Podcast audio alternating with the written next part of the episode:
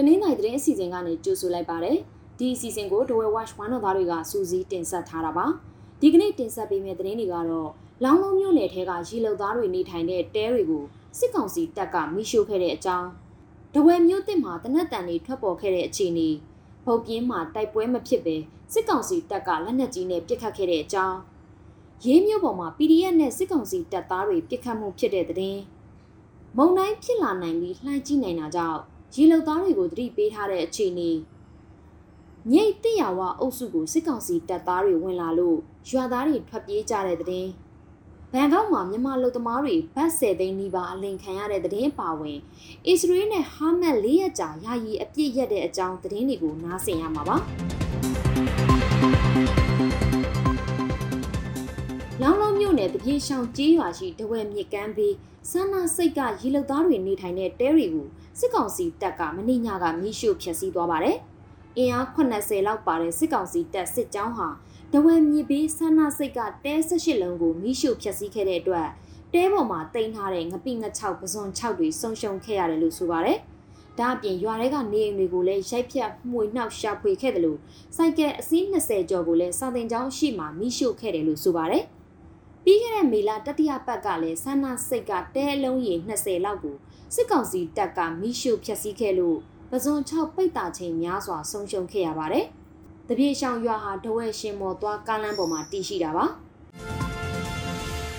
ဒဝဲမြို့သစ်ကညနာယုံအနီးဝန်းကျင်မှာမနေ့ညပိုင်းကတနက်ပစ်ခတ်တံတွေထွက်ပေါ်ခဲ့ပါတယ်။တီယာထေးမင်္ဂလာခမ်းမဖက်ချမ်းမှာည8နာရီဝန်းကျင်ကတနက်တံတွေဆက်တိုက်ထွက်ပေါ်လာတာပါ။ပစ်ခတ်တံတွေထွက်ပေါ်လာချိန်မှာတော့လမ်းသွားလမ်းလာကားဆိုင်ကယ်တွေအပြင်းမောင်းနှင်ပြေးလွှားခဲ့ကြတယ်လို့ဆိုပါတယ်။ ဒဝဲမြို့မှာည7:00နာရီကနေမနက်3:00နာရီအထိညမထွက်ရအချိန်သတ်မှတ်ထားတာပါ။အဲ့ဒီပြစ်ခတ်မှုမှာတနက်ထိမှန်တန်ရာရသူတွေရှိတယ်လို့မြို့ကန်ချို့ကပြောဆိုကြပေမဲ့တီးခြားတည်မပြုနိုင်သေးပါဘူး။ဗုတ်ပြင်းမြို့နယ်မှာတိုက်ပွဲဖြစ်ပွားတာမရှိဘဲစစ်ကောင်စီတပ်ကလက်နက်ကြီးနဲ့ပစ်ခတ်ခဲ့ပါတယ်။ပြည်ကြီးမနိုင်မြို့လေးညာကျေးရွာအခြေစိုက်တရင်တွေကဒီကနေ့မနက်ကနေမွန်လွယ်ပိုင်းအထိပစ်ခတ်နေတာပါ စစ်ကောင်စီတပ်ကမြို့ပြင်ဖက်ကိုလက်နက်ကြီးနဲ့ပစ်ခတ်နေတဲ့အတွက်ပြည်သူတွေထိခိုက်မှုမရှိရေးအသွာလာဂရုစိုက်ကြဖို့ဗုတ်ပြည်ပြည်သူ့ကာကွယ်ရေးအဖွဲ့ကတတိပေးထုတ်ပြန်ထားပါတယ်ဒီလိုမျိုးလက်နက်ကြီးပစ်ခတ်မှုကြောင့်ထိခိုက်မှုအခြေအနေကိုတော့မသိရသေးဘူးလို့ဆိုပါတယ်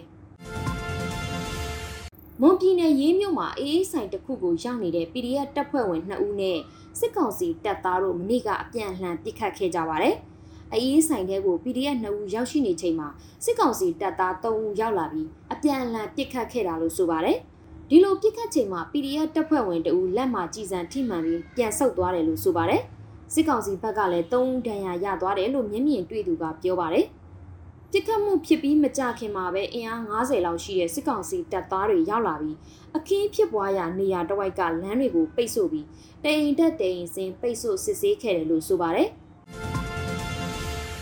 နိုဝင်ဘာလကုန်ပိုင်းမှာပင်လယ်ပြင်မှာလှိုင်းကြီးနိုင်တဲ့အတွက်ရေလုံသားတွေကြိုတင်ရှောင်ရှားဖို့မိုးလေဝသလေးလာစောင့်ကြည့်သူကသတိပေးထားပါတယ်။ထိုင်းပင်လယ်ကွေ့မှာဆိုင်ကလုန်းမုန်တိုင်းဖြစ်လာနိုင်တဲ့အခြေအနေတစ်ခုအစပြုနေတယ်လို့မိုးလေဝသလေးလာစောင့်ကြည့်သူဦးဝင်းနိုင်ကသူ့ရဲ့လူမှုကွန်ရက်စာမျက်နှာမှာမနေ့ကရေးသားထားတာပါ။နိုဝင်ဘာလ28ရက်နဲ့29ရက်နေ့ကြားမှာမုန်တိုင်းငယ်ဖြစ်လာနိုင်တယ်လို့ဆိုပါတယ်။နိုဝင်ဘာ30ရက်မှာတော့မုန်တိုင်းဗဟိုချက်လေးတိုင်းနှုံးဟာ တနအီကိုမိုင်တရာထိရှိလာနိုင်ပြီးလှိုင်းအမြင့်ကလည်း33ပေလောက်ထိရှိနိုင်တယ်လို့ဆိုပါတယ်။ဆိုင်ကလုန်းမုန်တိုင်းဖြစ်လာရင်ထိုင်းပင်လယ်ကွေ့ကတဆင့်တနင်္သာရီတိုင်းနာကပင်လယ်ပြင်ကိုဒီဇင်ဘာ၁ရက်နေ့မှာဖျက်ကျော်နိုင်ပြီးရခိုင်ပြည်နယ်ဘက်ကိုဥတီနိုင်တယ်လို့ဦးဝင်းနိုင်ကခန့်မှန်းထားတာပါ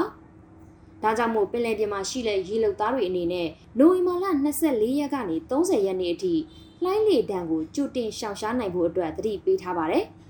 အဲ့ဒီမုန်တိုင်းအရှိန်ကြောင့်မြမကမ်းရိုးတန်းကမ်းဒီကမ်းဝေးရေပြင်မှာလှိုင်းလေထန်ပြီးမိုးသက်လေပြင်းကျရောက်နိုင်တယ်လို့ဆိုပါတယ်။မြင်းမြို့နယ်တစ်ရဝကျေးရွာအုပ်စုကံပြင်ဖုန်ကြီးကျောင်းဝင်းထဲကိုစစ်ကောင်စီတပ်ကကားနှစ်စင်းနဲ့ရုတ်တရက်ဝင်လာတာကြောင့်ဒေသခံတွေကြောက်လန့်တကြားထွက်ပြေးခဲ့ရပါတယ်။နိုဝင်ဘာ23ရက်နေ့နေ့လယ်ကဖုန်ကြီးကျောင်းထဲကထိန်ကျင်းပနေချိန်အင်အား30လောက်ရှိတဲ့စစ်ကောင်စီတပ်ကကားနှစ်စင်းနဲ့ရောက်လာတာပါ။ တစ်ရဝကျေးရွာအုပ်စုတစ်ရွာဝကံပြင်ပနာတောင်ကျေးရွာ၃ရွာမှာ PDF ထောက်ပံ့သူ30လောက်ရှိတယ်ဆိုပြီးသတင်းရလို့လာခဲ့တာလို့ဆိုပါတယ်စစ်ကောင်စီတပ်သားတွေဟာတိရဝကြေးရွာအုပ်ချုပ်ရေးမှုနဲ့အတူရွာထဲကနေရင်တချို့ကိုဓာတ်ပုံရိုက်သွားတယ်လို့ဒေသခံတွေကဆိုပါတယ်။ထိုင်းနိုင်ငံမင်ဘူလီဒေသကလုပ်ငန်းခွင်တစ်ခုမှာအလုပ်လုပ်နေတဲ့မြန်မာလူသမား80စီကဘတ်10သိန်းနီးပါးကိုမြန်မာပွဲစားကလိမ်လည်သွားပါတယ်။ မြန်မာလူသမားတွေကိုအလုပ်လျှောက်ထားခ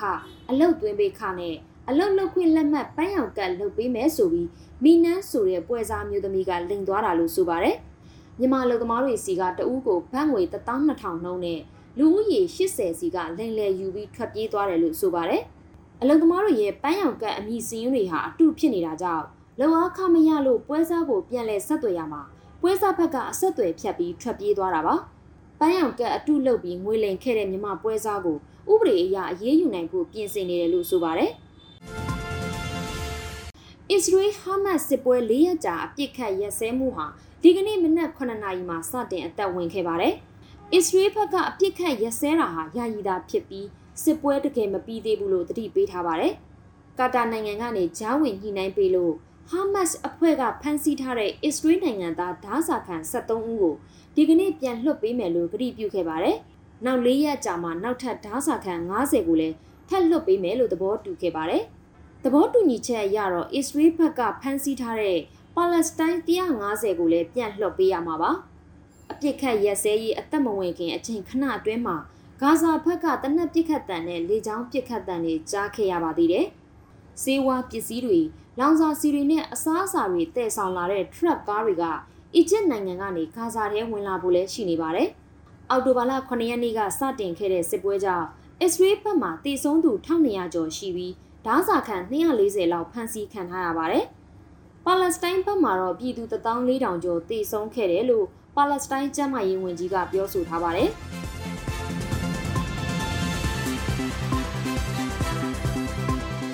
အခုလိုနားဆင်ပေးခဲ့တဲ့အတွက်ကျေးဇူးအထူးတင်ရှိပါတယ်။မြန်မာနိုင်ငံသားများကပ်ဘေးပေါင်းကနေအမြန်ဆုံးလွတ်မြောက်နိုင်ပါစေလို့ The World Watch ဘားတော်သားများကဆုမွန်ကောင်းတောင်းလိုက်ပါတယ်ရှင်။